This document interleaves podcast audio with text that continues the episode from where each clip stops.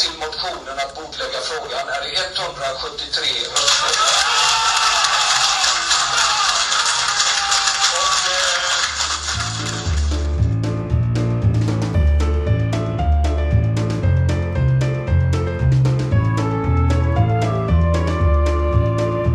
Hej välkomna till GPs fotbollspodd Laul med vänner som fokuserar på fotboll i allmänhet och fotbollen i väst i synnerhet.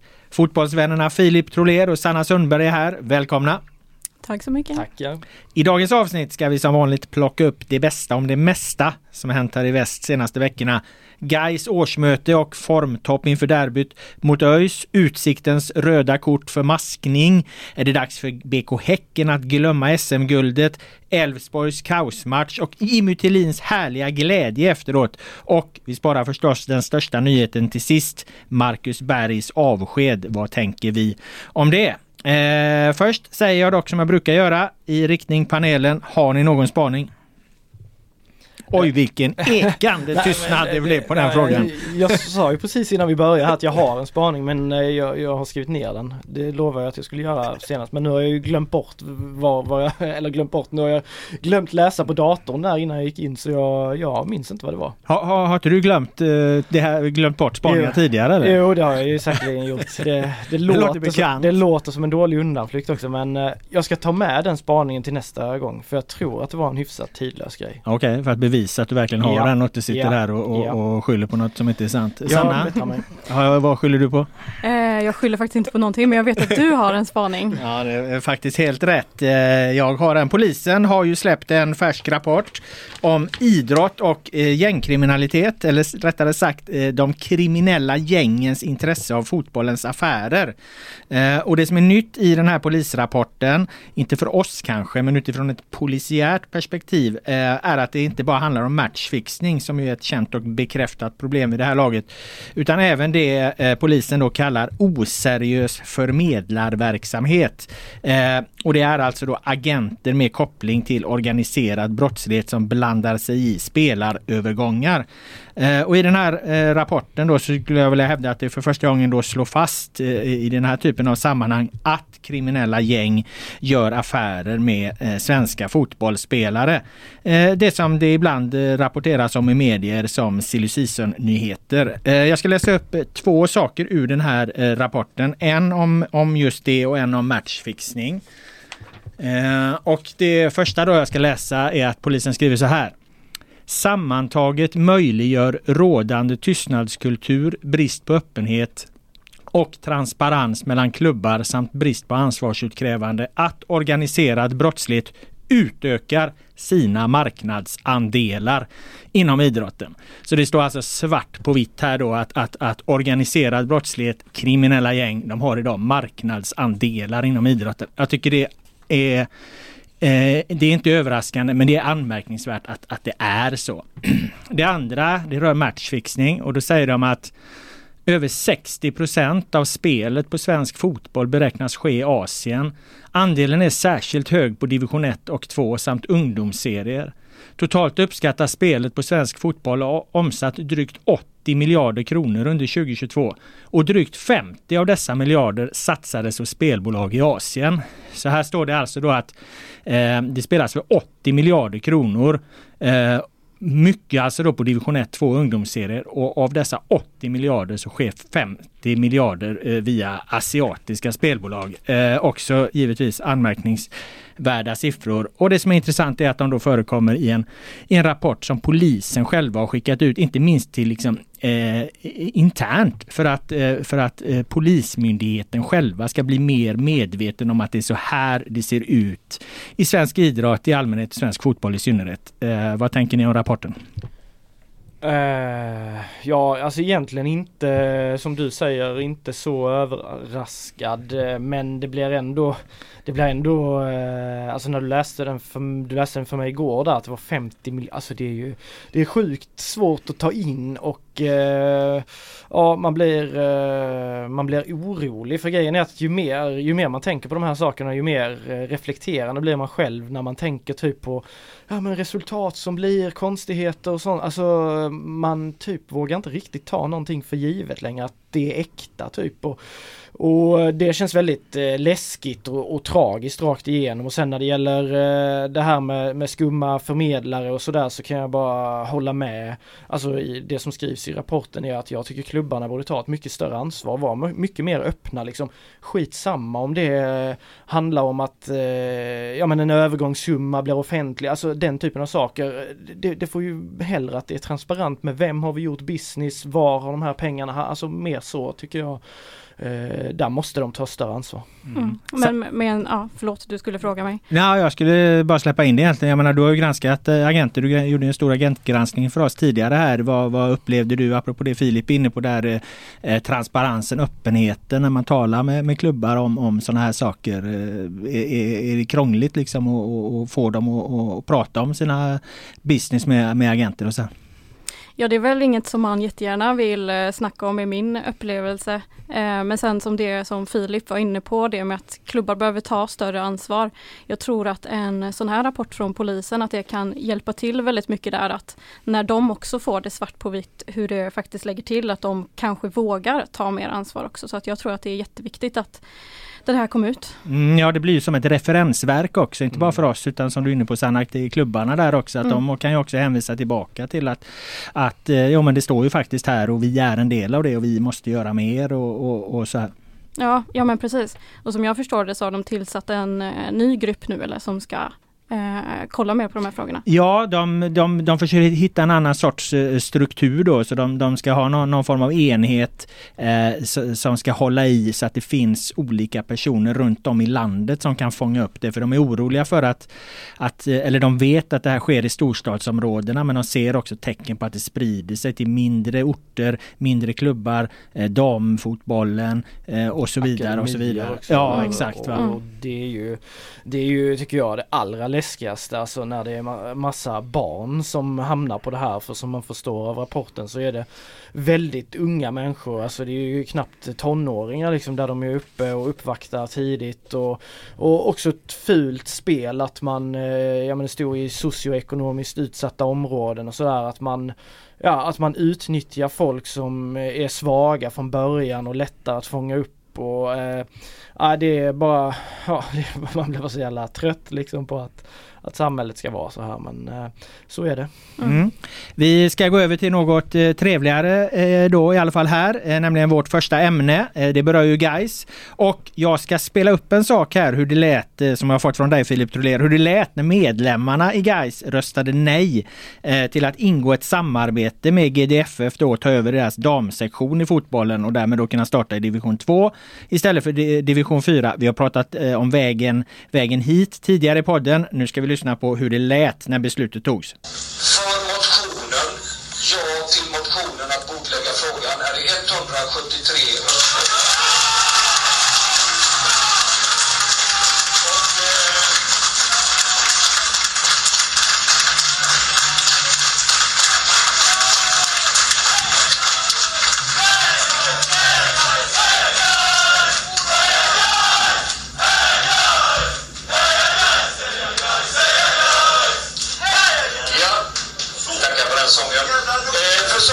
Ja, vi tackar för den sången. Det gör vi också här i, här i studion. Filip, du var ju här och upplevde, eller du var ju där, ska jag säga, och upplevde det här skådespelet. Ja, du kände som att du var där nu också eller? Ja, exakt. Ja, ja, jag var där eh, och eh, Ja men en eh, fantastisk kväll i, eh, där man verkligen fick se då de fina bitarna med, med fotbollsvärlden och idrottsvärlden och, och medlemsdemokratin. Det var över eh, 306 röstberättigade medlemmar var på plats och mötet fick skjutas fram. Det var massvis av folk som, som eh, kom in där och, och, eh, ja det var otrolig uppslutning och jag, jag gick redan på vägen dit så gick jag och lyssnade på, på två killar, eller jag överhörde två killar som gick och pratade som tydligt då var, var emot det här eh, övertaget. Så sa den ena till den andra, Alltså vad, va fan gör vi om, om det går igenom? Ah, Aj, det, det, det är för jävligt om det händer. Alltså vad fan gör vi? Alltså, ja, jag konstaterar en annan bara, ja, det är ju tur att det finns några andra svenska klubbar som har gjort det så vi slipper skämmas själva liksom. Så, så det var en fråga och sen massa,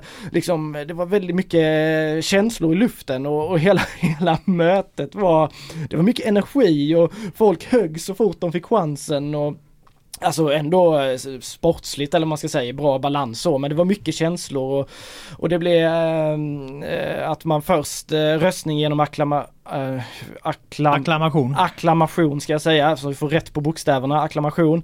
Eh, och det var väldigt jämnt när det rungade ja på, på båda grejerna där. Eh, det blev ju aldrig så långt att vi kom till en rak röstning utan det var ju då medlemmar som hade skickat in motioner om att frågan skulle bordläggas då till nästa, nästa ordinarie årsmöte men då har ju Blomstrand och styrelsen varit tydliga med att då finns inte GDFF kvar så då blir det som att vi röstar nej till ett övertagande. Så vi stannade där vid motionen då redan och strök då den slutliga röstningspunkten. Eh, och då när det röstades för, eh, ja, vill ni bordlägga frågan till ordinarie årsmöte? Ja, då blir det ett rungande ja. Eh, vill ni, vill ni avslå motionen? Då blir det ett rungande ja. Så vi fick, eller de fick helt enkelt plocka upp röstkorten. Jag la ner mitt så, så inte gör otydligheter där. Och eh, då blev det ganska klart ändå till slut. Det blev ju som sagt 173 mot 111 och eh, eh, 173, 111 var det ordförande här Blomstrand sa att det var 99 procent som vi- ville rösta i andra riktningen. Sanna, var det inte så? Man har inte koll på siffrorna, Gais ordförande. Nej, så blev det ju inte kan man konstatera. Eh, Sen var det inte Simonsson, den här GDFF-nissen som sa det där med 99% klart. Men även om Blomstrand ska vi säga, han har ju också legat på att ja, men det här är bara en petitess och sådär. Så, eh, men det var mycket... Det var inga 99 Nej, procent det var inga 99% i alla fall. Och det var också så här eh, när, när, det, när de, de rungade ja, när ekade där då försökte styrelseordförande och Redtop han försökte så här, ja vi avslår motionen och då blev vad i helvete är det här? Vi kräver votering och då blev det ju då Han körde en fuling där. Ja, det var han du hyllade förra veckan för han hade suttit och svarat på alla jag frågor. vet inte, men det var eh, någon som sa att ja, det var ju mycket gubbar där som var längst fram och de var, de var positiva till, till övertagandet. Men ja, så det var jäkla mycket känslor och, och i samband med den här Heja Guys, det bryter ut och var det ju en del från då som var positiva till ett övertagande som liksom jävla losers! det, var, det, var, det, var, ja, det var ändå, det var mycket känslor men jag fick, jag ska vara ärlig och säga, jag fick fan med gåshud när, när den här sången eh, ekar och inte för att jag då eh, för Guys del blev glad över att beslutet blev som det blev utan för att se den kraften. Alltså se det engagemanget. Över 300 pers tar sig dit. Vi har sett hur många årsmöten som helst där det har varit så slapp uppslutning så att man har, har blivit väldigt orolig. Blåvitt hade 240 tror jag på sitt senaste årsmöte. Guys var under 100 pers, ÖIS 110 typ. Men hur många medlemmar är har Gais? Ja de har ju 3000, det är 10%. Ja, det är ju fortfarande Alltså, en det- rätt svag eh, siffra Ja men vad fan sett. 10% tycker jag ändå är, ja, jag tycker det, jag tycker de ska vara stolta över att så många tog sig dit och, och jag tyckte det var en, ja, jag gillar verkligen att se eh, hur, hur engagerade folk är om frågan verkligen är brinnande så ja, jag tyckte fan det var gåshudskänsla faktiskt. Om man säger så här Sanna då, eh, det kanske inte bara var Gais eh, medlemmar då som stod bakom eh, den här segern som jublade utan även Gais konkurrenter i stan. För nu kommer det dröja ännu längre innan de får ett, ett, eh, ett damlag som är med i, i eliten och tampas. Det kommer det göra. Vi får väl se hur det blir om de kommer att starta upp ett eh, damlag från scratch. Vad, vet du om något är sagt där? Eller, för det känns väl som att det har varit det som medlemmarna har velat istället? Eller? Ja precis. Och det, kan jag, det, det är väl den kritiken jag i det här läget kan rikta lite mot dem som då emot styrelsens idé. Har de någon idé själva om okej hur löser vi det här nu istället liksom, precis. på ett vettigt sätt? Eh, det är ju väldigt många, vad jag har förstått det som, som har ändå tydligt erbjudit sig. Jag kan vara med och bidra, kan ni, alltså att styrelsen får ju ändå, det är ju fan deras ansvar sätta ihop någonting, sätta ihop en plan. De har fått förtroendet av medlemmarna att hantera den här typen av frågor, så det är där ansvaret landar. Men sen är det ju absolut så att det är ju lätt att bara liksom kasta nej, nej, nej och sen så skiter man i det. Men Mm. den bilden har jag inte fått utan nej-sidan till det här övertaget, de är ju ändå tydligt, vi måste bara ha en plan och vi ska göra det från början. Och när man har synat styrelsen där som jag skrev i en krönika inför mötet att, att det har ju varit ihåligt. Sen pratade jag med styrelsen efteråt, det var väldigt besvikna miner där och jag, de hade ett möte efter att eh, årsmötet då var avslutat. Jag satt och överhörde lite så att det var, ja, de, de, de hade ju svårt att ta in det liksom och väldigt, väldigt besvikna. De respekterar givetvis medlemmarnas beslut men, men hade svårt att ta in det. Jag frågade Blomstrand om det här, hur går ni vidare och när kommer guys ha ett damlag? Jag, tror, ja, jag, jag, jag vet liksom inte. Sen var det klart i besvikelsens stund där men det, det är väl en, en, eh, det är en rejäl vandring de måste göra men jag tycker ändå att det finns ju vägar framåt. Nu om GDF försvinner då får de ju ligga på kommunen. Vad fan, Gais en anrik förening. Vi vill ha de här tiderna på Vallhalla. Då kommer det ju, det kommer vara möjligt. Jag tycker att, äh, jag, jag tycker att styrelsens håll så gav de upp det organiska alternativet lite för enkelt. Men Mm.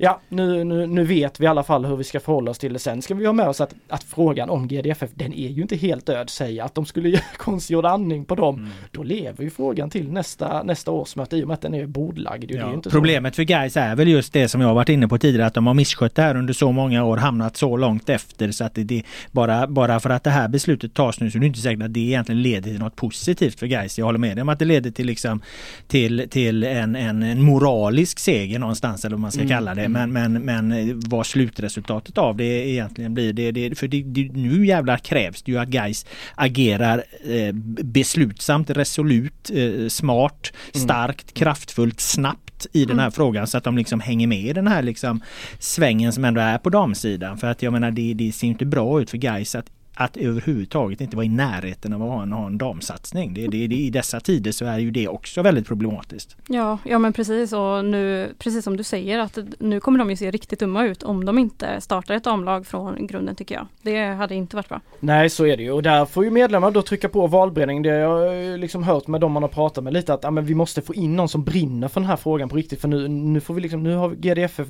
nu har vi lagt ner det och nu så måste de ta tag i det för tidigare har det funnits skäl till att skjuta skjuta på frågan i och med att det har varit så jobbiga år som det har varit. Men nu är de på en bra plats ekonomiskt, de är på en bra plats sportsligt. Alltså det finns alla förutsättningar. Nu är det upp till, till hela guys att verkligen mobilisera och vända och vrida på, på frågan till, till ja, på alla skrymslen och vår och vrår och verkligen få fram något konkret. Ja, och vara lika engagerad eh, som en positiv liksom, rörelse som, mm. som när man nu har satt sig emot det här då. Det, det, det, det är vad jag, vad jag kan lägga in där. Eh, vi vi har väl rätt ut den frågan ganska eh, gediget här nu. Vi ska ta oss in på det eh, sportsliga, mer sportsliga då, mer sportsligt aktuella då. Eh, för det är inte bara, bara den demokratiska processen som rullar på bra för guys just nu. De visar ju storform på planen också inför det glödheta derbyt mot ÖIS. Ja det är otroligt. Eh, jag har ju hyllat dem många gånger under säsongen. De såg ju fantastiska ut i kuppspelet och då tyckte man shit vad bra de är och de såg fantastiska ut i början av superettan. Shit vad bra de är och de såg fantastiska ut en, en, del, en, en bit in på, på senvåren och sommaren. Sen kom dippen. Men så bra som de är nu, eh, den nivån har de inte varit på. Att de eh, kör över HF 4-1 hemma, ja ett HF som är ganska risigt, det, det är så. Men att åka upp till Gävle, krossa dem med 6-0, förvisso med en man mer i 73 minuter. Men halva laget borta i princip? Ja, men med halva laget borta. Alltså där är så många spelare nu som är på en så bra plats formmässigt. Eh, och jag frågade Fidde, jag var ute på deras träning här precis, jag frågade, han sa jag har aldrig haft så svårt någonsin att ta ut en startelva som jag har inför det här eh, derbyt. För det är så många som är med och bidrar på, på riktigt nu och han, han brukar ändå inte kräma i så mycket och det jag, jag håller med honom, de, de är på ja, de, de dundrar fram just nu. Mm. Men ändå ett bra problem att ha. Ja, grymt ja, det, alltså. Ja. Det, det, det, kan han gott ha, skulle man kunna säga. ja, eh, Sanna, hur laddad är du för derbyt? Eh, vi gick precis ut med att eh, nu när vi spelar in detta 10 000 biljetter eh, sålda. Ja, det är en riktigt bra siffra. Och jag ska faktiskt dit. Jag, det blir mitt första ÖIS derby så att jag är riktigt taggad faktiskt. Ja det är så. Ditt första ja. originalderby med andra ord. Ja. Det får man ändå kalla det. Så ja, jag är superpepp på det. Härligt. Eh, rätta mig om jag har fel här nu Filip, men visst fan var det var, såg lite exakt likadant ut här i våras nu att, att Gais gick som en raket och ÖIS krampa och sen kom det här derbyt och så gick ÖIS och vann. Lite så var det. ÖIS hade dock tagit, tagit sig lite i kragen och fått med sig två vinster precis inför derbyt då hade de vunnit mot J Södra nu, då hade det varit kusligt likt. Alltså att ÖIS kommer från en dålig period, tar två raka vinster, går till derbyt. Gais kommer dit i superform. För det hade de ju då också. Mm. Så absolut, förutsättningarna är väldigt lika. Men jag tycker ändå att det skiljer ännu mer mellan lagen nu och framförallt så har vi ju då den mentala aspekten. Dels på Gais om de ska hänga med i, i toppen, men framförallt på, på ÖIS som är satta under enorm press nu eh, och att ha den här derbymatchen mot ett guy som precis har spöat Gävle med 6-0 och bara stormar fram. Det, det, tror jag känns jobbigt för dem. Mm. Eh, jag ska säga det till alla lyssnare här att eh, Filip, du och våran kollega Adam Fröberg har gjort ett helt annat program mm. om det här derbyt. Ett specialprogram, eh, Fotbollstimmen, nytt, eh, nytt eh, format som vi kallar det här på, på GP där ni pratar om det här derbyt med gäster i en god timme. Ja. Så att eh, eh, vi, ska inte, vi ska inte ta udden av det på något sätt utan vi, vi dirigerar helt enkelt vidare våra derbytörstande eh, ÖIS och Gais lyssnare att, att kasta sig över det. Det finns på, på gp.se sport så ligger, ligger den eh, puffen eh, uppe så det är bara att lyssna mer om derbyt där så ska vi inte prata så mycket mer om det här derbyt utan vi ska gå över till eh, Utsikten. Och deras uppflyttningsfrossa som ju fortsätter. De har förlorat igen eh, nu hemma mot Trelleborg. Bosko Orovic fick ett utbrott. Eh, ett par stycken till och med. Han är avstängd nu. Eh, utsikten tappar all, allt mer mark i toppen. Eh, vi ska gå in på det men först eh, det här röda kortet då som blev så omdiskuterat eh, går ju att föra en principiell diskussion kring eh, och det tänkte jag att vi skulle göra. Men Filip kan du först bara beskriva situationen där eh, kring den här utvisningen? Eh, jag trodde först du ville att jag skulle beskriva hur Bosko var efter slutsignalen. Ja, det, det kan du få lite senare. Men börja med, börja med det röda kortet. Ja. Eh, det är ju så att eh, Utsikten har fått en frispark. Eh, Erik Gunnarsson ska vi säga, han har fått en varning i första halvlek. Den situationen minns jag inte riktigt. Eh, men det var för, no, han, för hård upp i ryggen har jag för mig att han sa. Eh, och eh, de har fått en frispark på egen planhalva. Erik Gunnarsson går till bollen eh, står kvar där men vill sen att Jesper Brandt ska slå den här frisparken istället. Eh, de som är då på motsatt eh, eller motståndarsidan, Utsiktens, ja Trelleborg då, de tycker ju att ja, men det här är maskning och det tycker ganska många tror jag som tittar på den här matchen att han står bara där för att dra ner på tiden eller dra ut på tiden och sen flyttar han sig så kommer Brandt dit och så ska det ta lite tid till. Erik Gunnarsson själv hävdar att det absolut inte var så utan att han bara var den som var närmast bollen, därför hamnade han där. Och anledningen till att han inte slog den var för att han ville att Brandt skulle vara den centrala punkten för Erik Gunnarsson gick till vänster i den här trebackslinjen så han ville att positionerna skulle vara rätt. Eh, hur som helst, han står där. Ja, Bosko påstår att han har klockat det till sju sekunder eller vad han snackar om. Jag har inte gjort den klockningen så jag vet inte om det stämmer. Men eh, han blir i alla fall varnad av Magnus Lindgren, huvuddomare, och får sitt andra gula kort och då är det tack och godnatt för honom. Han får lämna planen och det är efter en timmes spel. Så ungefär så uh, var det.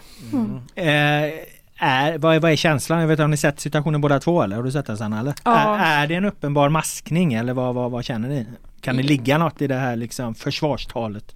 Ja, men jag tycker att den är uppenbar. Det, jag har sett på den flera gånger nu och det känns också som Erik måste vara lite medveten om att han ligger i riskzonen där och jag tycker det är sinnessjukt att man eh, utsätter sitt lag för den situationen när man är där man är i tabellen och vet hur mycket man behöver de här poängen och ja, jag tycker det är riktigt sjukt att dra på sig en varning för maskning i det läget. När han har varning dessutom? Då. Ja, ja, ja, absolut.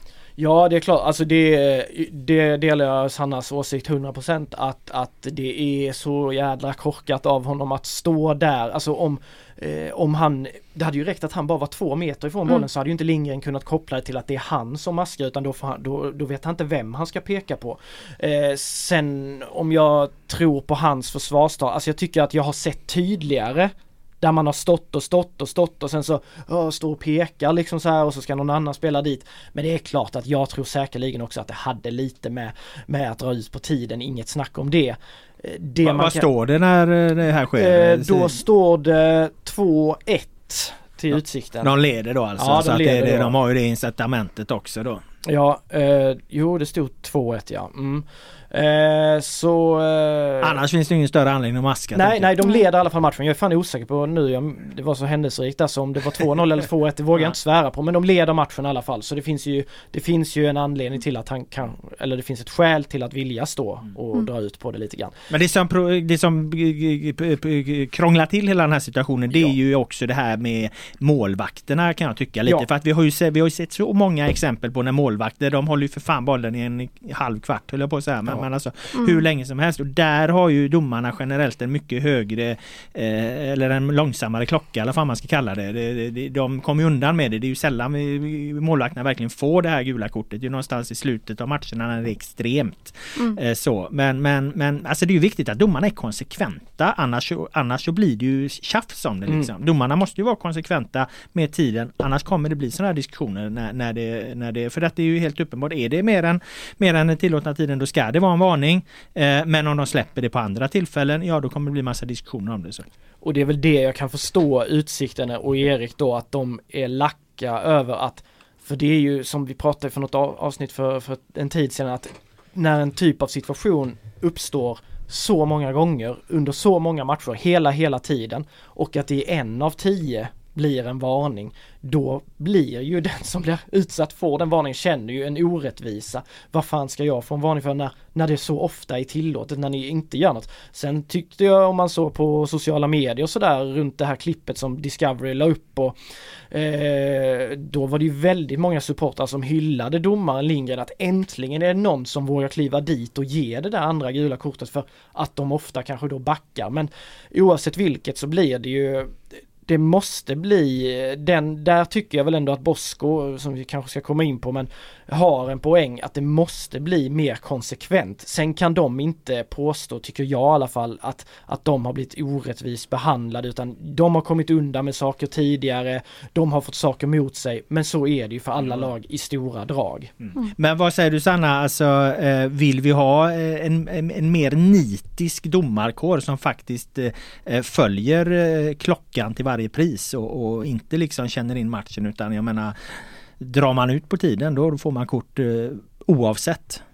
Ja, alltså fan vilken svår fråga ändå. Men det är klart att man vill att de ska vara mer konsekventa i hur de dömer. Samtidigt som man måste ju till viss del också känna in matchen. Eh, så att det är ju en svår fråga så sett. Men det är klart, det är, det är svår, svårt för dem också. Men ja, lite mer konsekvent kanske. Ja. Du vill ha mer, mer, mer konsekvens där och det, det, det är jag också inne på om jag ska ge mina fem cent där att, att, att ska man ha bort de här diskussionerna då får man ju göra det är också enklare, då vet folk vad fan som gäller liksom och så, mm. så, så, så tar man bort den här liksom osäkerheten kring det. Ja just den här alltså målvaktsregeln, den tycker jag är ett skämt. Den behöver, vi behöver Nej, inte ens ha med den i regelboken. Nej. För det, jag har fan med aldrig, tror jag, sett en domare som kliver dit och det är ju målvakter som håller bollen seriöst i alltså 30 sekunder, mm. ibland minst. Eh, och, och, det blir ingen reaktion. 30? Ja, ja, det, ja mer kanske. Nej men 30, 45, en minut liksom. Nej men det tar så otroligt lång tid på sig och det ska vara 6 sekunder. Mm. Så den regeln kan de ju antingen då ta bort eller så får de... Eh, men har du sett en målvakt hålla bollen i en minut? Det kan, kan fan inte ha hänt. Nej, nu, inte, du, eller? nej nu, nu tar jag i men, ja, men, men, men, men, det är ju 30 sekunder om du har tagit ner ett inlägg, ligger mm. lite på bollen, vilar lite, studsar några gånger Ja det, det tror jag, 30 sekunder det finns det fan lätt mm. många exempel, det tror jag. Ja och det måste ju bort liksom, ja. annars så eh, har de eh, ju ingen bäring i, i det här liksom. Ja. Nej en minut det var, där, där skojar jag lite. Men hur många, hur många gånger, eller hur många matcher i rad är det Utsikten har dragit på sig rött kort nu? Det är tre va? Tror jag. Willem Nilsson fick ju rött mot Sundsvall, Gunnarsson nu och Lukas Hedlund eller i ja, slutminuterna? Ja, Hedlund fick väl jag har för mig att det är tre, i alla fall mot Brage fick ju Brage rött kort också så det har varit Det var någon som sa att det hade varit fem raka matcher där det har varit ett rött kort för innan Brage var det ju Västerås och då fick mm. ju Västerås rött kort. Så Västerås fick, Brage fick och sen har väl Utsikten då fått själva då tre matcher på rad. Mm. Sen kan man säga att Bosko har fått rött också även om han bara fick gult då för att eh, ja. gult kort innebär ju avstängning eh, och eh, det är precis vad Bosko är när, när Utsikten möter Örebro här nu i veckan. Ehm, och Ah, jag menar ett gult kort eh, kan man ju få som på, för det får han ju på bänken liksom när han reagerar spontant på reaktionen. Det, det, det kan väl hända någonstans. Men alltså det här som Bosk håller på med efteråt där. För detta man har fel nu Filip, men som jag upplever situationen att han liksom inne och gapar i domarrum och han står och, och, och, och svär och lever rövare i, i eh, ja svära kan man väl göra men alltså han, han är ganska väldigt nedvärderande tycker jag mot domaren i tv-intervjuer och, och, och så här, alltså jag tycker inte det är ett dugg bättre än när det här som den här Gaisledaren höll på med där i våras med de här rosorna och så. Visst, det var mer utstuderat och så men, men, men att eh, om Bosko nu varit inne i domarrummet och gapat och skrikit på domarna så tycker jag det är bedrövligt på e, e, e, elitnivå. Jag menar Bosko är ju vad jag förstått besviken på hur gais supportrar en klick har behandlat honom liksom och, och, och och varit eh, jävligt hårda på många sätt mot honom. Vilket, vilket han ju har rätt i där Bosko. Det är bedrövligt så som det han har blivit utsatt för. Men det här beter han ju sig själv nästan lika illa liksom. Och dessutom då i en, i en ledande position som eh, eh, fotbollstränare för ett, ett, lag som kanske snart är allsvenskt. Så att jag, jag tycker att Bosko faktiskt gör bort sig igen här. Vi har ju pratat om hans, hans liksom agerande eh, tidigare i den här podden så sent som i, i våras. Han, eh, jag tycker man ser i Discovery-intervjun hur han för några sekunder ändå tänker han, det är som att han suckar och så funderar han Ska, ska jag göra det? Ska jag göra det eller ska jag inte göra det? och sen klarar han inte av att stå emot för sån är han. Jag älskar ju honom för, för de känslorna han har och att han brinner och att han ger oss så mycket för att det bygger intresse och sådär. Men jag håller ju med om att jag tycker faktiskt hela, hela utsikten, jag förstår att de var förbannade för det var situationer med, det var något slag i ansiktet, att de kände sig orättvist behandlade i den här matchen. Men ni måste ändå kunna sansa er lite grann. Jag tycker det, det spelade över, inte bara Bosko utan det var ju spelare, ta bort licensen sa Lukas Hedlund om domarna han gick förbi. Och Erik det är ju människor de pratar ja, om som ja, faktiskt alltså, gör sitt bästa de ja, här domarna liksom. Och då, då, då, då, alltså, det säger ju någonting med att man kan vara så jävla hård mot en annan människa liksom. Sen är det, som vi, man måste ta med sig att det är ju otroliga vinnarskallar alla som håller på med det här och man kan bete sig jävligt dåligt om man har förlorat en match och man har, känner själv också att man är orättvist behandlad. Eh, jag är själv en jävligt dålig förlorare men jag hoppas inte jag hade gått på på det sättet. Sen Bosko han, han knackar ju på på domarrummet, gick in, har ni tid? Men när jag frågar honom efter, ja vad, vad sa ni? Ja jag sa till dem att de var ett skämt liksom. Så då blev det ju ändå, ja okej. Okay. Ja och så, och så malde han på ungefär mm. samma saker som han sa i Discovery. Men det var väl inte att han slet upp dörren och dundrade in där men mm. han uttryckte sig väldigt och, och, och, Men det är ju inte mycket bättre än den här Gaisledaren åkte på liksom. Alltså det är på samma nivå skulle jag säga även om det andra är mer utstuderat. Ja så är det ju. Alltså där är ju ändå en mer mer tanke bakom eh, naturligtvis även om det sannolikt också var impulsivt så, mm. så tror jag att Eh, alltså det är ju, det är en annan typ av grej men Bosko är ju väldigt, alltså han går ju till frontalangrepp där.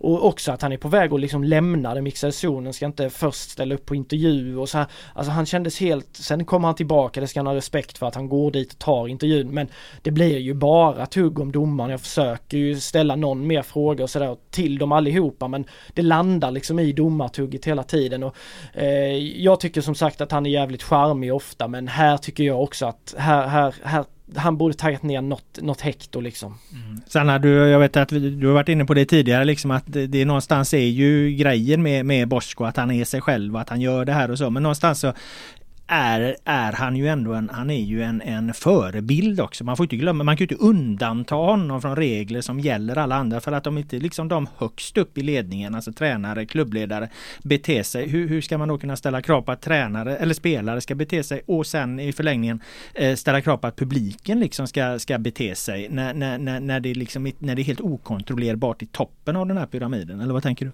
Ja, men det är klart som en tränare då, det är som du säger, då är man ju en typ av förebild för sina spelare och när han knackar på eh, domarrummet och säger åt dem att de är ett skämt, det är inte direkt så att han ger dem konstruktiv kritik. Det hade ju varit en annan femma om han gick in och ville ha förklaringar och så vidare. Men att säga att de är ett skämt, det leder ju ingen vart. Det är bara påhopp liksom.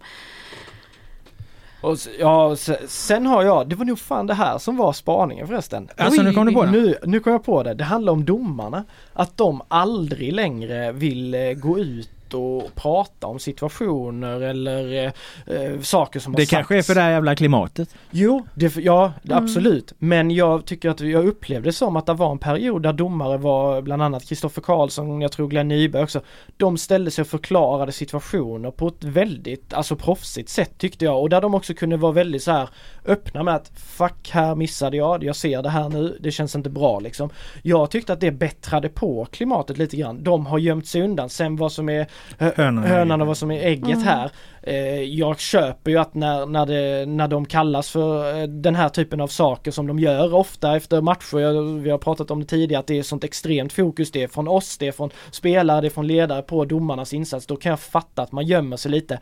Men jag tror att i vissa fall så hade det blivit ett bättre klimat om de vågade kliva fram så som de gjorde en period. Jag upplevde i alla fall det som då att det var ett bättre klimat då att det kanske ändå kunde, jag menar att folk i ledande positioner i klubbar och sådär fick mer förståelse. Ja, han säger att han gör fel här. Ja, men då taggar vi ner också. Det var i alla fall min bild mm. av det.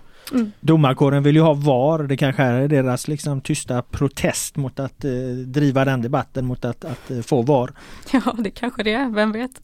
Nej, men precis som Filip säger, det känns som att det är oftast blir bättre av att snacka om saker och ting så att det, det kanske de borde gå tillbaka till då. Mm, men inte fan kliver man ut som domare om en bingalen Bosko liksom har dömt ut den som ett skämt precis innan. Då hade jag också, hade jag också skitit i, i, i kommentarerna. Mm. Eh, vi ska släppa domarfokuset där. Eh, vi ska konstatera att, att eh, de, eh, Utsikten åker till Örebro utan sin chefstränare för att försöka börja vinna igen. Jag frågade ju er redan förra, eh, förra veckan här nu efter hur många matcher det nu är som de inte har vunnit på. Vill Utsikten inte vinna sina matcher längre? Ekande tystnad igen. igen! ja, jag vet inte. Jag tar först här. Jag, jag tror att Eh, eller så här, ja, det, det vore helt jävla sjukt om, jag håller fast vid det, jag sa det förra veckan, säger det igen, det vore helt jävla sjukt om de inte ville vinna sina matcher. Om de inte vill gå upp i allsvenskan? Ja, om de inte vill alltså. gå upp i allsvenskan. Oavsett vad det hade behövt göra med deras organisation och att det kommer vara massa fokus på dem och att de, att de ligger, alltså de är ju långt ifrån att vara en allsvensk förening och att det är ett enormt jobb att göra men för fan vi drivs väl alla av, eh, av sporten, av tävlandet, av viljan och jag tror inte alla alla fall inte eh, Bosko i den positionen han är eh, som aldrig har varit huvudtränare i Allsvenskan. Varit så hårt kritiserad, varit, eh, liksom fått mycket skit under Gaison. Alltså jag tror han, jag tror det är det som, eh, ja, höll på att säga håller honom levande. Det nästan. hade ju varit den perfekta täckmanteln annars eh, Sanna om, om de nu inte vill vinna sina matcher och så går han ut och stormar och dundrar efteråt och, och, och så här. Mm, och flyttar fokus ja. från, från en, en prestationen. Ja precis, vem, eh, vem vet? Det, ja, det vet vi ju inte. Nej. Men eh, de spelar ju på torsdag igen. Hur går det? Vinner de eller över Örebro? Bra fråga. Jag eh, tror ändå att de skulle kunna studsa tillbaka mot Örebro. Men jag tänkte också på, får Bosko hänga med överhuvudtaget eller hur funkar det? Han får inte komma in i Örebro län höll jag på att säga. Men, eh, nej, nej, men han får inte vara där. Nej, arenan får han inte vara på. Nej, får okay. inte vara på. Uh, sen har man väl hört om tränare som har smugit in ändå och sånt där och det brukar vara... Telefonen? Tror, ja, jag, jag, alltså egentligen mm. tror jag inte ens de får ha kontakt med laget under matchen. Men, men det, det, kan de ju inte kontrollera. Nej, det är ju jävligt svårt att kontrollera. Så jag, han kommer säkert ha ett finger med i spelet på ett eller annat sätt. Jag ger väl uh, Örebro en svår match. Kalle Holmberg uh, ratades i Djurgården, vände hem till Örebro. Mm. Har ju varit i superslaget, Jag tror han har gjort 9-10 mål här sedan han kom i somras. Men de eh, tafflade till det lite mot Brage senast eh, efter en fin period för dem annars. De massakrerar ju bland annat ÖIS innan landslagsuppehållet. Det är en riktigt svår match. Örebro är ju fortfarande inte säkra heller på, på nytt kontrakt. Kan ju fortfarande hamna på kval och sådär. Så det är en riktigt tuff utmaning. Och sen också lite frågan är Albin Skoglund. Han stod inte uppskriven som eh, skadad på deras hemsida inför den här matchen. Han var inte avstängd. Han var på arenan. Men eh, spelar ju inte och var inte med i truppen. Eh, jag hann aldrig fråga Bosko om det. Du hade annat att göra? Jag hade annat att göra eller han eh, var inte, de var inte i skick någon där och, och prata om så mycket mm. annat. Mystiken kring Albin Skoglund ja, Så den får vi nysta, jag ska nysta lite i det, vad, vad fan är det med Albin? För han är ju en otroligt viktig spelare för dem, en fantastisk fotbollsspelare. Så får de tillbaka honom och Lukas Hedlund, Linus Karlstrand kan fortsätta deras samarbete så faktiskt intressant ut nu mot mot Trelleborg så tror jag ändå det finns goda möjligheter för att de skulle kunna studsa tillbaka och bryta den här negativa svackan som de är inne i. Ja, vi får se om det finns anledning för mig att ställa frågan. Vill inte Utsikten gå upp i Allsvenskan några fler gånger eller om de börjar vinna igen? Jag skrev ju en krönika tidigare idag, eh, sett till när vi spelar in detta, med rubriken Glöm guldet BK Häcken och då är vi eh, uppe i allsvenskan då förstås. Eh, det bygger ju bland annat på att om Malmö FF vinner tre av sina sex återstående matcher så slutar de på 61 poäng. De behöver alltså bara vinna tre av sex Malmö för att nå upp till 61 poäng. För att Häcken ska nå 62 poäng så måste de avsluta med fem segrar och eh, eh max en förlust då. Eller för att nå 61 poäng då, då måste de vinna fyra och två oavgjorda och ta in nio måls målskillnad. Jag kan inte se det hända. Eh, för det första tror jag att Malmö kommer vinna mer än tre av Eh, tre av sex med tanke på att Malmö Malmö har ju kvar liksom BP hemma, Kalmar borta, Varberg hemma, Norrköping och Häcken borta samt Elfsborg hemma. Ehm, eh, så att, alltså, så att, alltså, att BK Häcken liksom ska kunna ta guldet utifrån den här situationen de nu har försatt sig i via förlusten mot Kalmar senast. Jag har väldigt svårt att se det. De skulle dessutom göra det samtidigt som de spelar i eh, Europa. Skriver ni under på det här att det är dags för Häcken att glömma SM-guldet? Sanna, du såg ju matchen eh, mot Kalmar så du kan börja. Mm, precis, jag var ju på plats eh, uppe på Guldfågeln Arena och kollade på matchen och om man ska utgå från den matchen så tror jag nog faktiskt att de kan eh, glömma guldet i år. Mm. Varför det? Det var väldigt trött spel från deras sida. Eh, och det kan man ju fatta efter den urladdningen mot eh, Bayern Leverkusen som de körde förra veckan. För att det var ju, det var Samuel Gustafsson inne på efter matchen också, att det var ett väldigt tufft motstånd och att det krävdes mycket för dem att genomföra den matchen. Och det är klart som tusan att de är trötta då när de ska möta Kalmar och det är inte så att det här Europaspelet stannar av utan det kommer ju fortsätta och det kan bli svårt. Mm. Nej men jag tänker att det, det, är väl helt mänskligt liksom. Har du varit på Bay Arena, eh, lirat mot ett världslag och, och, för första gången för många av de här spelarna och få liksom vara i den miljön och så. Och sen så kommer du tillbaka liksom till den allsvenska lunken, du är regerande mästare. Ja, jag, jag tycker det är begripligt att Häcken har problem liksom att tagga till. Ja, ja jo. Det... Alltså de ska ju inte ha det men nej, det är, det är på ett ja, mänskligt jo, plan är det förståeligt. Jo, jo. Och det, det, fysiska som Sanna är inne lite på där, den urla, alltså den biten tycker jag väl eh, Det ska man ju också tycka att de ska klara av mm. egentligen. Egentligen. Och, och, de har en trupp som ändå eh, sett till numerär och vad de värvade in i somras som fortfarande är bred men det är ju att som vi har pratat om några andra lag, att relationer och sådär, eh, de finns inte riktigt på plats. Det hackar ju så fort det byts och ska man då köra på med samma, det känns som att krämen finns inte, mm. varken mentalt eller fysiskt, att de ska kunna göra det. Så eh, jag är väl inne, inne på, på, på er linje här att eh, här och nu så har jag inte sådär jättemycket som jag tycker talar för att Häcken ska komma in i den här guldstriden igen. Jag tycker de har, jag tycker de har fallit ihop här under, eh, under tidig höst. Mm. Lite ja. grann faktiskt. Ja det har de. De har ju mm. förlorat sju matcher redan och, och uh, släppt in 30 mål. Alltså det mesta lag brukar inte se ut så. Kolla på, på både Elfsborg och Malmö har förlorat klart färre matcher, släppt in betydligt mindre mål. Så att, uh, Två kejsarslag nu helt enkelt. Ja det, det är min känsla. Vi ska komma in på, på Elfsborg lite, uh, lite senare där. Men, men det var intressant att ni höll med mig utan att tveka båda två här. och sen det, är ju ändå, det är ändå en, en, det är ändå ett statement här. Sex omgångar kvar. Häcken är, är borta från guldet. Slå, slå, slå slår liksom podden fast eh, gemensamt. Ja, ja, men nej, jag ser eh, det är för mycket som, eh, för mycket som brister och de andra Malmö och Elfsborg kan ju bara fullt fokus på det här och har ju eh, liksom trupper som Malmö har ju en trupp som är den bästa på pappret av alla och Elfsborg en trupp som är mm, fullt jämförbar med Häcken tycker jag.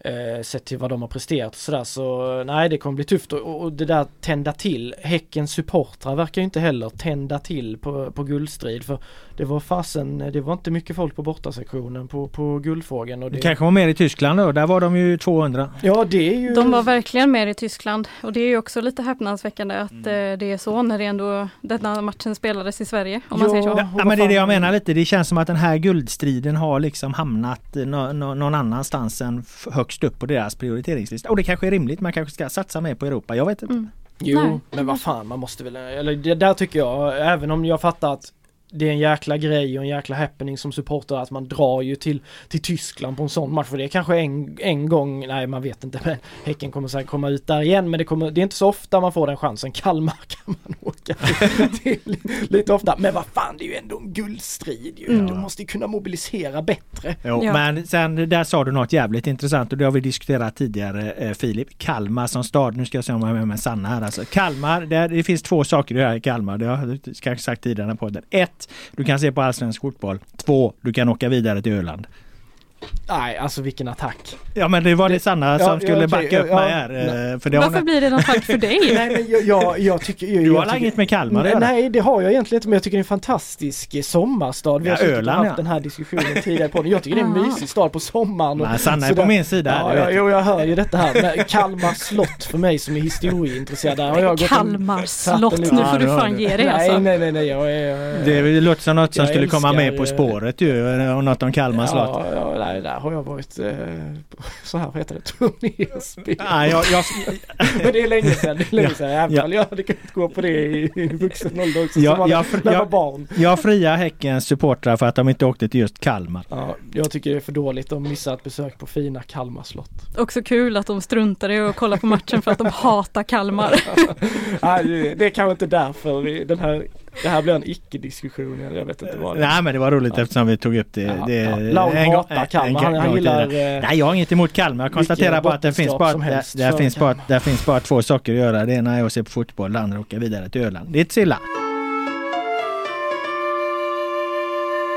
Vi ska gå vidare i guldstriden, vi ska lämna BK Häcken, vi ska gå över till eh, andra, andra laget här i vårt område som ju i allra högsta grad eh, är kvar i den här kampen om guldet då. Och Sanna, du var ju på plats i Halmstad eh, när Elfsborg vann med 1-0. Det blir någon form av kaosmatch där, vi ska plocka upp lite, lite händelser. Men först, jag måste fråga dig eh, om du tänkte på det, det gjorde du kanske inte från pressläktaren, men TV framgick det väldigt tydligt. Jag har diskuterat det här med många andra fotbollskännare. Otroliga glädjen från Jimmy Tillin ut på planen, krama om spelarna.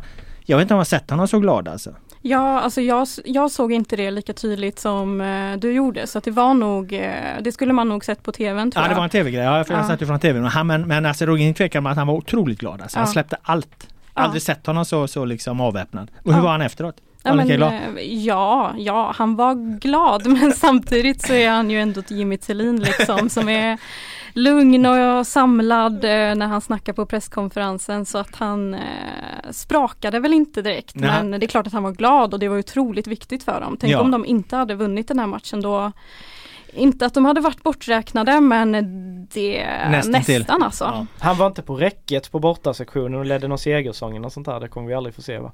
Ja, Han har ju fått en ramsa nu. Har han det? Ja, ja för fan. Den har, tror jag vi har pratat om här i podden tidigare. Eller jag har nämnt den i alla fall. Tillin-ramsan där. Den har ju du hört ett par gånger sedan. Jag vet inte om, eh, om de sjöng den i Halmstad. I... Nej, de Nej. sjöng snarare en ramsa för eh, matchhjälten Jalal Abdullahi faktiskt. det. Han fick Ja. en ramsa idag och det är kanske inte en så konstig text på den heller med tanke på hans eh, förnamn Jalal. Kan ni, förstår ni? Laul tar du den? eller? Nej, jag, eh, det lät också som en fråga i På spåret där. Jag är borta. Men det blir ju liksom Jalalal. Fortsätt Sanna! Tur att vi inte har tv-kameror. Då hade det här varit ute nu på sociala medier. Ja, så som när herregud. Filip sjöng någon sång en gång i tiden. Så Ja, gick, Ja, jag gick kände rakt ut. verkligen att jag målade in mig själv i. Pratar man om en ramsa så får man sjunga en ramsa, det är sen gammalt. Eh, det var ju en kaosmatch i alla fall, Mm. eh, oavsett ramsor. Eh, och han, du nämner där, eh, den 18-åriga talangen då, Mm. inhoppare, eh, blev dessutom utvisad eh, direkt efteråt, eh, efter att han hade gjort ett mål där. Mm. Det man kanske mest anmärkningsvärda med det är väl att det här med att man sliter av sig tröjan liksom och, och apropå på onödiga varningar. Alltså att han råkade sätta en armbåge i nacken på Andreas Johansson. Det kan ju hända liksom. Men, men Mm. att slita av sig tröjan måste man ju inte göra. Ja, Eller måste man det när man gör sitt första mål? Kanske man måste som 18-åring. Det måste man inte såklart men eh, det var hans eh, första mål och han är ny i klubben och sådär så att jag kan ändå förstå det och jag unnar honom att han, eh, att han firar målet så mycket som han gjorde ändå. Vad sa Thelin då? Han kan ju inte varit nöjd med att få utvisning i det här läget eller hade han också förståelse för det? Ja men han var väl inne på lite samma sak som jag sa precis att han, han var ändå förstående för det liksom samtidigt som han sa att man ska inte göra så. Men ja. De hade ju, v- vad heter han, Pontus Wernbloom gjorde ju något reportage för Sportbladet. Han var i be- besökte Elfsborg där. De hade ju en bestraffningssnurra i omklädningsrummet. Jag vet inte om ni såg det. Mhm. Eh, det kan ju vara en grej annars att, att lägga till på den snurran. Att ta av dig tröjan så, så blir det hö- högre böter. De hade tagit bort en bestraffning som var att sjunga karaoke för, för lagkamraterna. Eh, så att eh, det kanske de får lägga till då Ja, om man sliter av sig tröjan. Filip, du är ju en stark förkämpe för att man måste fira vilt och slita Ja, av sig tröjor ja. och kläder, helst byxorna, skorna och allting. allt. Ja, där, ja, nej det tycker jag inte kanske. Men eh, att fira vilt, det tycker jag verkligen att man ska göra. Det ska vara all in. Jag har inga problem med att han eh, sliter av sig tröjan. Om de hade kvitterat den på den utvisningen. Ja, jo, då. Tappa guldet. Att man har sett, Av med tröjan. sett på det annorlunda då. Nej men jag, som Sanna sa, alltså tänk den stunden. Han är 18 år, han gör ett mål som faktiskt, även om de inte varit helt borträknade, som håller dem kvar i guldstriden. Gör det i, vad var det, 90 minuten, 89? Ja, 89 där. och det Ja. hade ju varit skillnad såklart om det hade, detta hade varit i första halvlek eller Ja, i början alltså på andra halvlek. Då hade han ju pajat liksom? lite för Ja, sitt lag men när det var i 89 minuten liksom, slit av dig Och det tröjan. var ändå, jag såg det var ganska stort bortafölje där han springer rakt till dem. Alltså vad fan, det är klart att man, man kanske inte tänker hela vägen i den eh, sekunden där men Sen såklart skönt för Elfsborg och för honom att, eh, att de redde ut det där. Eh, Mm. Annars hade ju definitivt blivit en större snackis. Mm. Eh, så är det. Eh, matchen i övrigt då, det var lite kaosmatch. Som sagt, det var inte bara det här då. Det var Johan Larsson försvann ju på i uppvärmningen i princip och, och André Boman kom in där.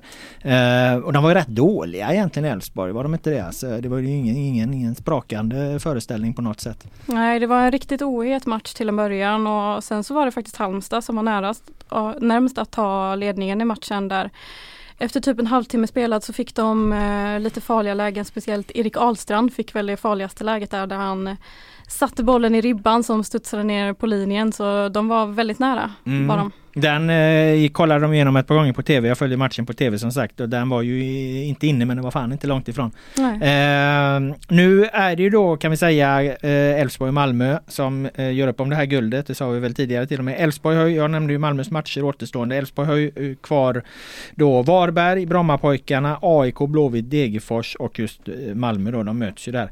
Så att både, både Elfsborg och Malmö har ju kvar eh, Varberg och eh, Brommapojkarna. Mm. Så att de har ju, och eh, Elfsborg har ju som jag sa här även Degerfors. Så att de, de, och jag menar AIK och Blåvitt är ju, får man ju ändå klassa som, som de ligger ju faktiskt på, på den nedre delen av tabellen. Mm. Eh, så att Elfsborg har ju ett ganska lätt, om man nu får tala om lätt spelschema. Men ja. alltså det kunde vara, varit betydligt, eh, eh, betydligt värre. Så att eh, om vi avskriver Häcken så tror jag att det är alldeles för tidigt att, att säga att det här kommer avgöras tidigt. Jag tror just mellan Malmö och Elfsborg kommer den här guldstriden nog leva.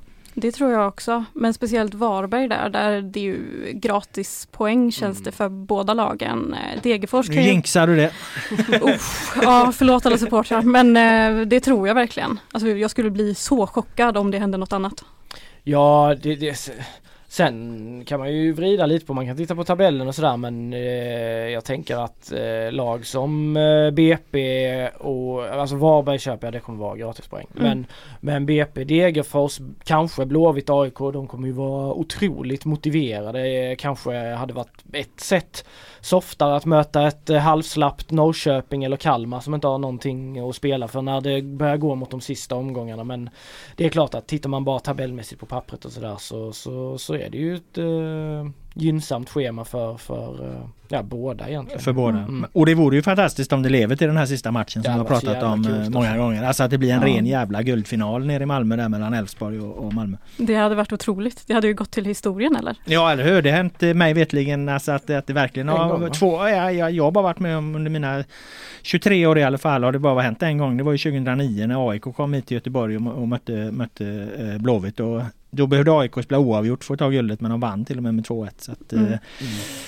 Tog eh, guldet för IFK Göteborg på nya eh, arenan då, Gamla Ullevi. Det var första året det spelades fotboll där liksom och Blåvitt kunde tagit guld på den i sista matchen mot AIK men slängde bort det. Det var ju en, en svår stund för många göteborgare kan jag meddela. Och så just att det var ett sånt rivalmöte mm. i de, de, tuffaste rivalerna. Men det här hade också varit en riktig godbit. Men eh, det är i Malmö. I Malmö då, ja. Mm. Så då, ja, det. Men jag hoppas, hoppas, hoppas att det lever. Jag hade hoppats också att det levde näst sista och att Häcken var med för då hade vi haft Häcken Malmö här också. Så skulle kunna bli en riktigt god bit i Superettan också om jag bara flikar in Gais utsikten sista omgången nu när de börjar närma sig. Möts de i sista där också? Men det är lite senare va? För den håller på längre eller? Ja, ja. det är någon vecka senare. Ja, det är nästan i eh, december för fan. Ja, ja. Vad spelar de på? Gamla Ullevi. Ja, då är den planen fin också. Mm, 11 november tror jag det är. Eh. Bosko. 11? Ja men då är det ju samma jävla helg. Ja, det är samma helg. Jaha, herregud. Tänk om guys skulle ha utsikten inom eller tvärtom att de eh, Nej, Bosko kommer få en hjärtinfarkt innan det... Herregud. Uff, ja, det skulle kunna bli. Tänk om Utsikten skulle skicka ner Gais där, Bosko kommer springa ett varv runt planen bara, så. Och tänk om Gais skulle sabba för Utsikten och gå upp istället för, nej, ja. Så där har vi en delikatess också kanske, om mm. det lever. Mycket, vi, ja. vi kanske ska nämna också att eh, Malmö FF hade ju en stabil trio på plats på Örjansvall igår. Just det. De, var det? det var, de hade de två assisterande tränarna Theodor Olsson och Eh, Martin Falk och sen så hade de deras analytiker där också. Och det, jag misstänker att de inte var där av nöje utan de var väl där för att studera Elfsborg eller?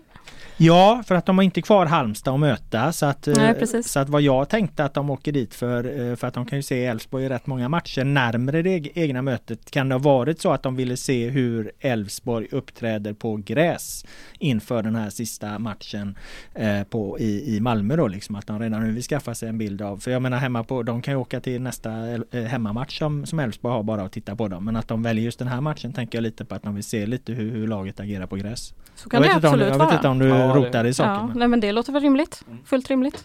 Ja, antingen det eller så tänker man ju att om, om det var någon spelare i Halmstad och sånt där som de vill kolla på men då kanske man inte hade skickat den, eh, den trion. Delegation. Nej precis, utan då hade det nog varit kanske också någon mer scout eller sånt där som hade varit involverad. Så det, det, det låter som en rimlig, rimlig teori att, att de vill se Elfsborg på grejer. Blåvitt hade ju dessutom också en trio på plats. Eh, Ja Värt just det. Ja det sa du. Ja, ja, eh, mycket folk där. Eh, ja, det kan man konstatera. Yeah. vi har i alla fall sparat det största till sist, eller veckans största nyhetshändelse eh, till sist. Eh, för i veckan kom ju nyheten som egentligen inte var den största överraskningen men ändå lite av en bomb, eh, nämligen att Marcus Berg slutar spela fotboll. En av svensk fotbolls största spelare får man nog säga under eh, 2000-talet. Eh, över 90 landskamper, nästan 25 mål för blågult. Han har vunnit skytteligan i allsvenskan och U21-EM.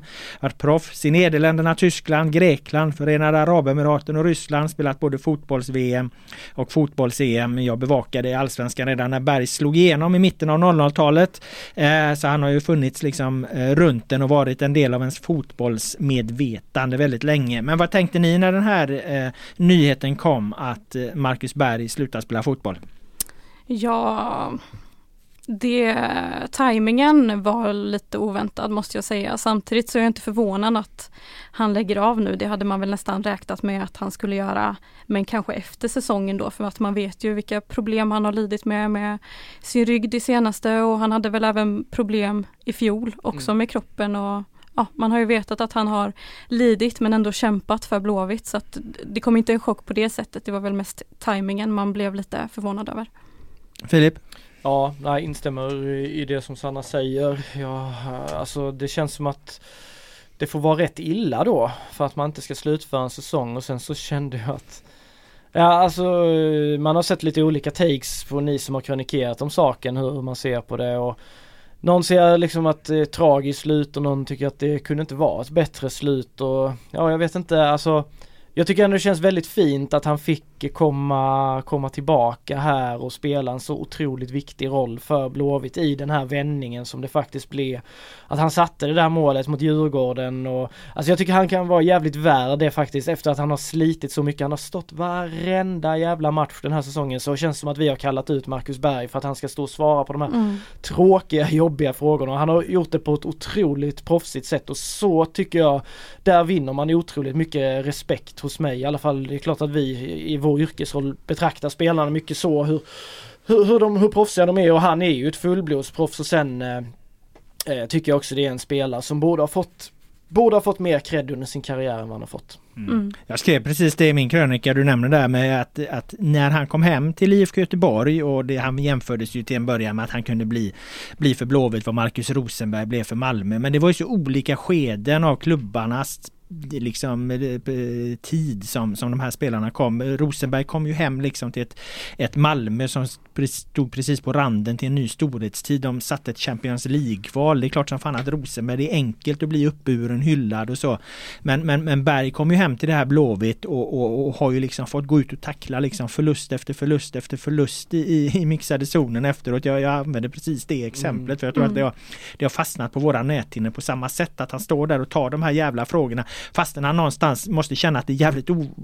Så här ska det inte vara att vara Marcus Berg liksom med allt som jag har uträttat i min ka- karriär men han gjorde det ändå liksom. Mm. Han gav allt på planen. Och så får han ändå hans tre sista matcher i IFK Göteborg är vändningen mot Djurgården. Det är den här liksom vändningen mot Degerfors och det är derbyvinsten eh, mot Häcken. Jag vet inte hur jävla många mål han gjorde på de här tre matcherna men det är väl fyra mål eh, i princip han gör där och är, är, är fundamental för, för de tre segrarna som ju faktiskt är det någonstans som, som lyfter upp Blåvitt ur den här säsongen som räddar dem från det här bottenträsket. Visst, de har fortfarande närhet till botten men de kommer inte åka ur allsvenskan. Och, och jag menar, Marcus Berg har skjutit Blåvitt i SM-guld. Han har också räddat dem från att åka ur allsvenskan. Det är stort att ha gjort båda de grejerna för det kommer förmodligen att bli så. Så att jag, jag ställer mig på den sidan som som tycker att det här är, även om det var ett, som du är inne på, Sanna, ett annorlunda avs, avsked, avslut, så var det ett väldigt värdigt avslut på många sätt. Ja, det är ju jättevackert om det blir så att han, eh, tack vare honom, att Blåvitt blir kvar i Allsvenskan och säkrar sitt kontrakt där. Så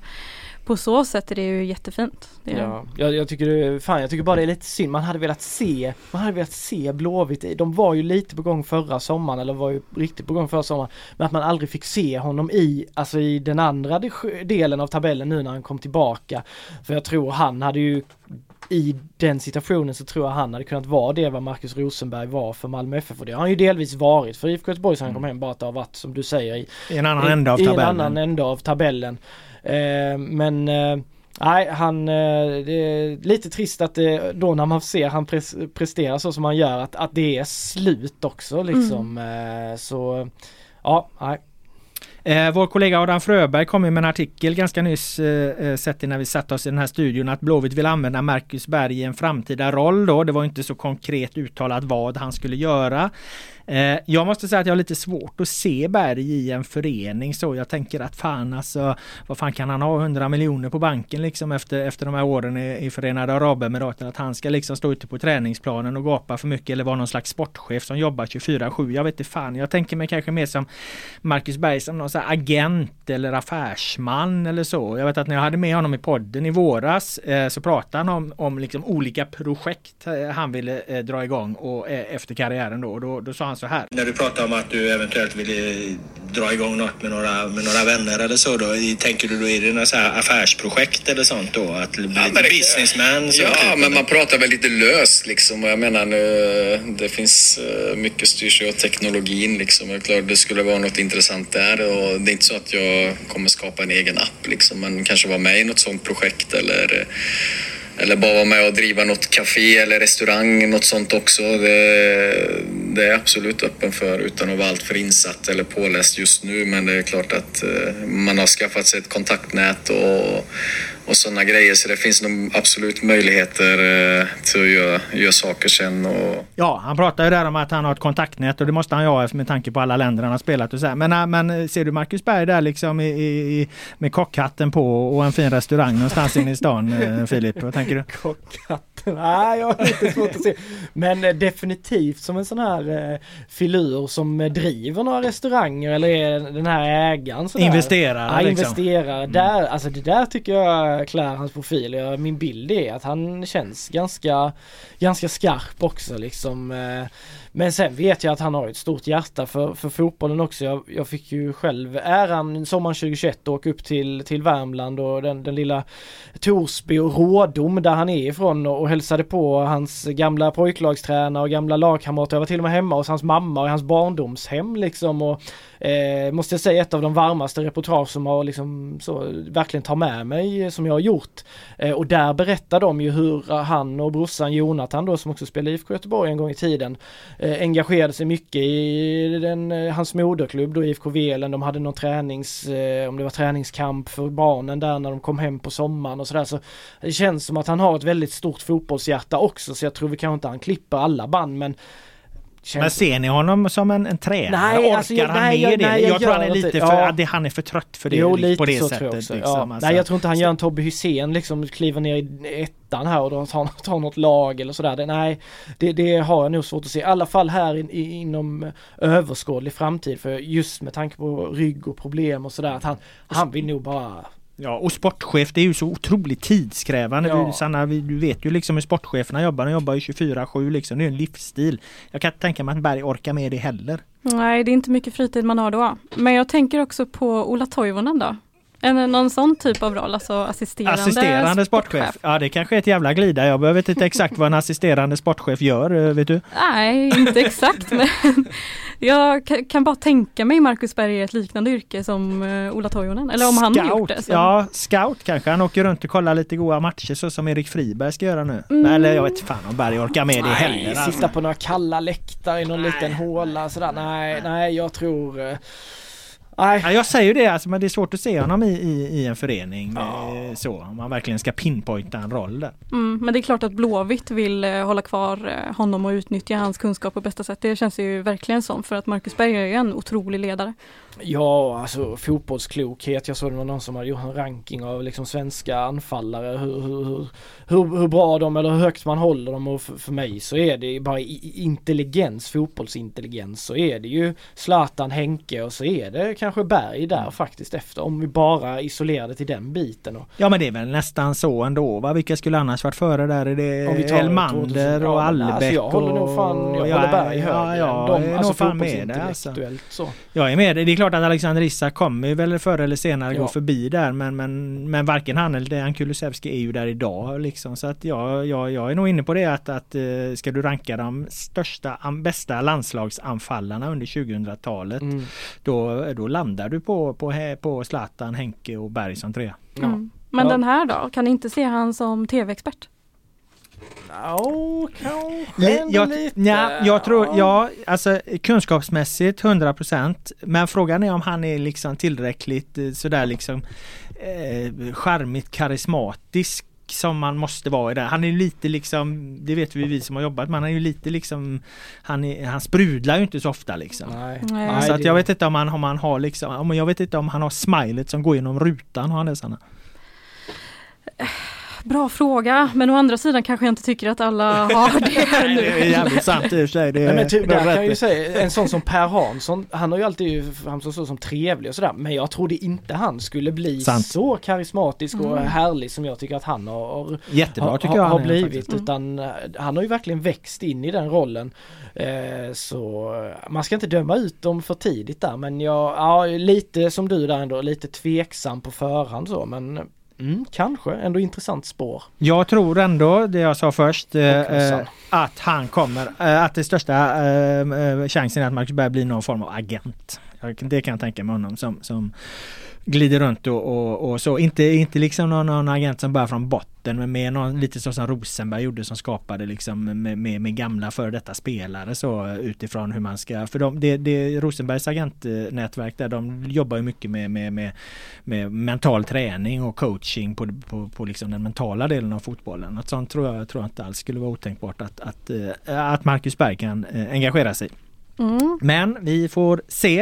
Eh, vi ska släppa, eh, nej det ska vi faktiskt inte göra. Vi ska ta en grej till. Eh, vad vi tänker kring att eh, Eh, förlusten för IFK Göteborg i det korta perspektivet här nu eh, blir ju inte särskilt stor alls i och med att han har inte varit med och spelat på, på, på flera matcher. Så att, eh, att Blåvitt ska åka upp till eh, eh Stockholm här och möta Hammarby. Eh, det påverkar ju inte att det här av Marcus Bergs avsked då för han har ju inte varit med i alla fall. Så att, eh, vad, vad tänker ni kring, kring matchen eh, mot Bayern som Blåvitt står inför?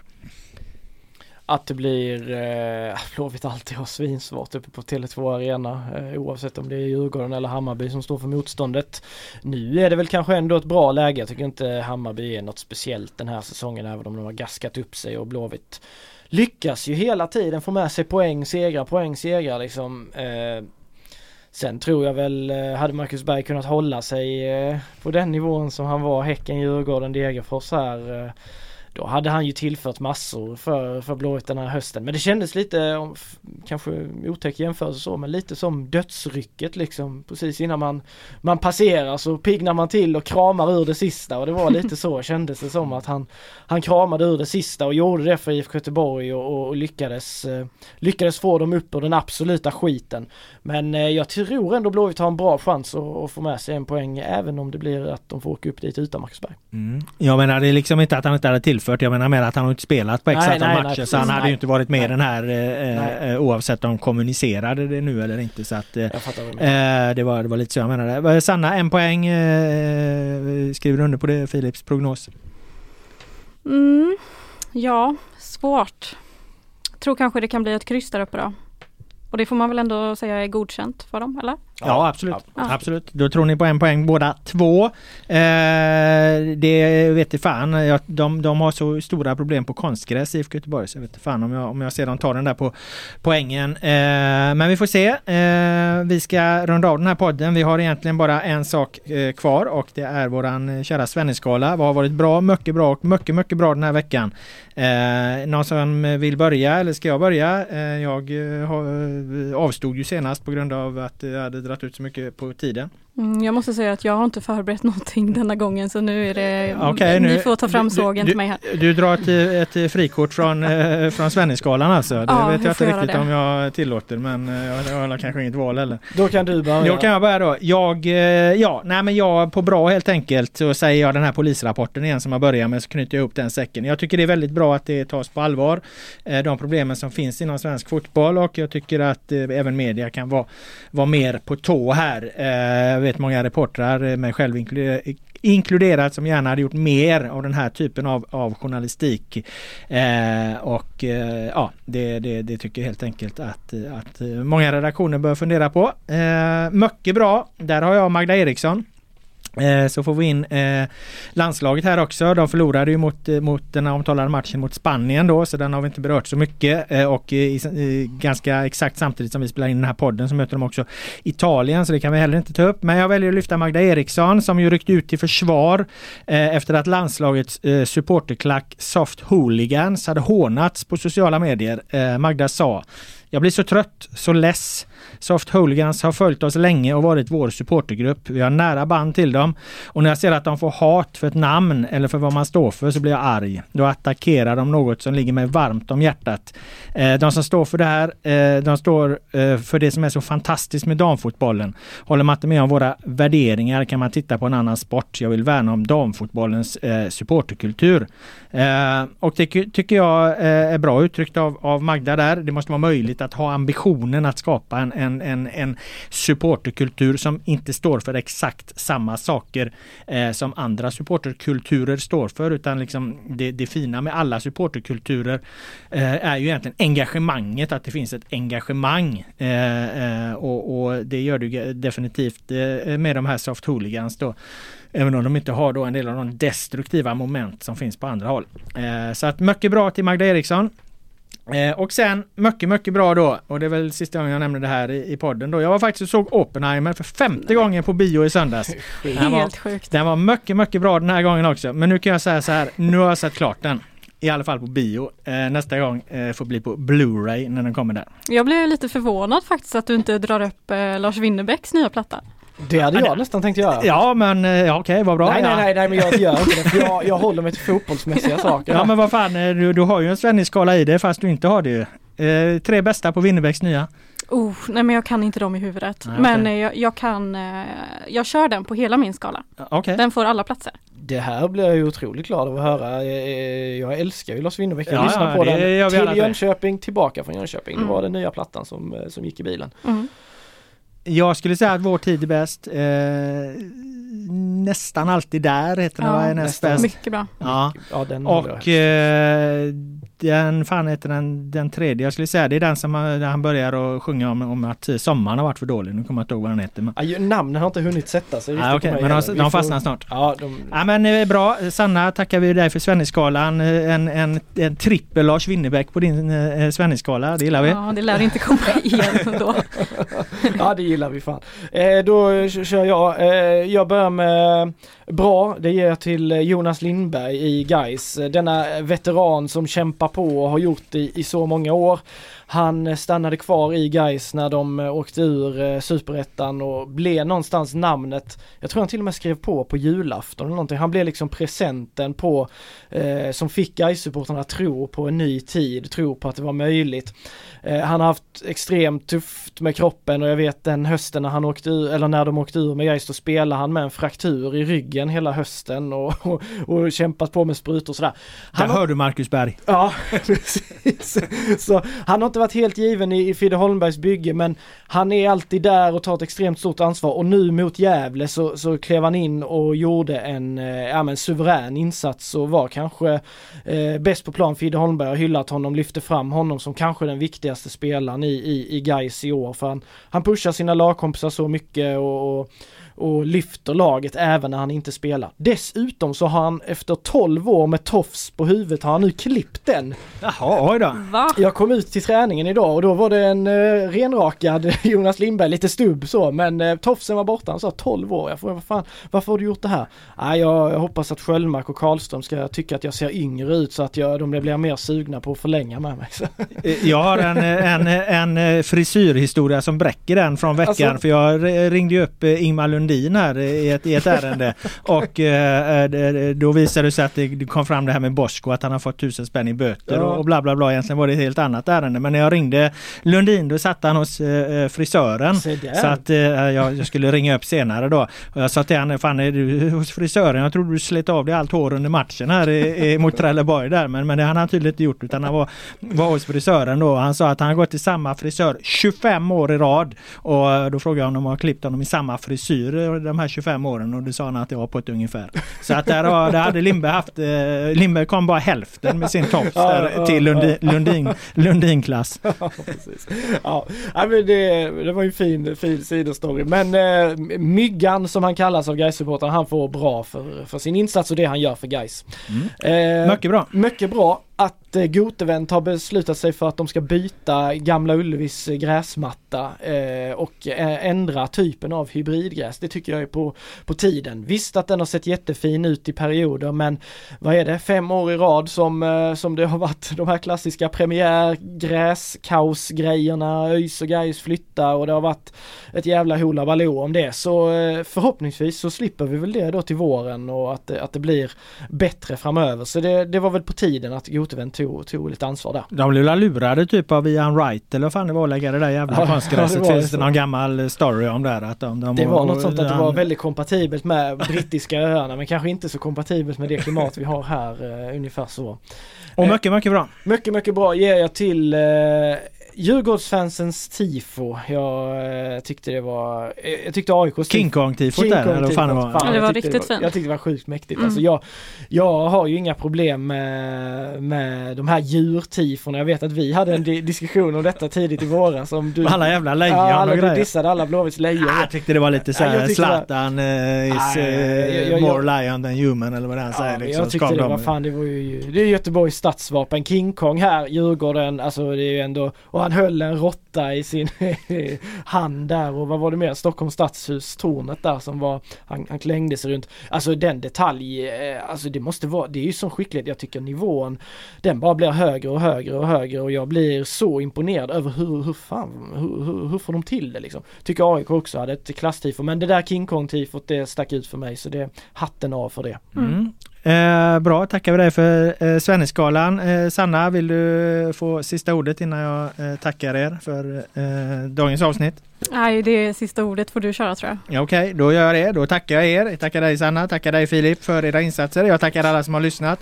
GPs fotbollspodd eh, Laul med vänner är tillbaka nästa vecka. Ha det bra så länge. Låtarna är sommar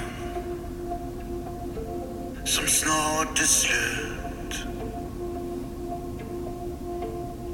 Bara växa vild och fri Bara helt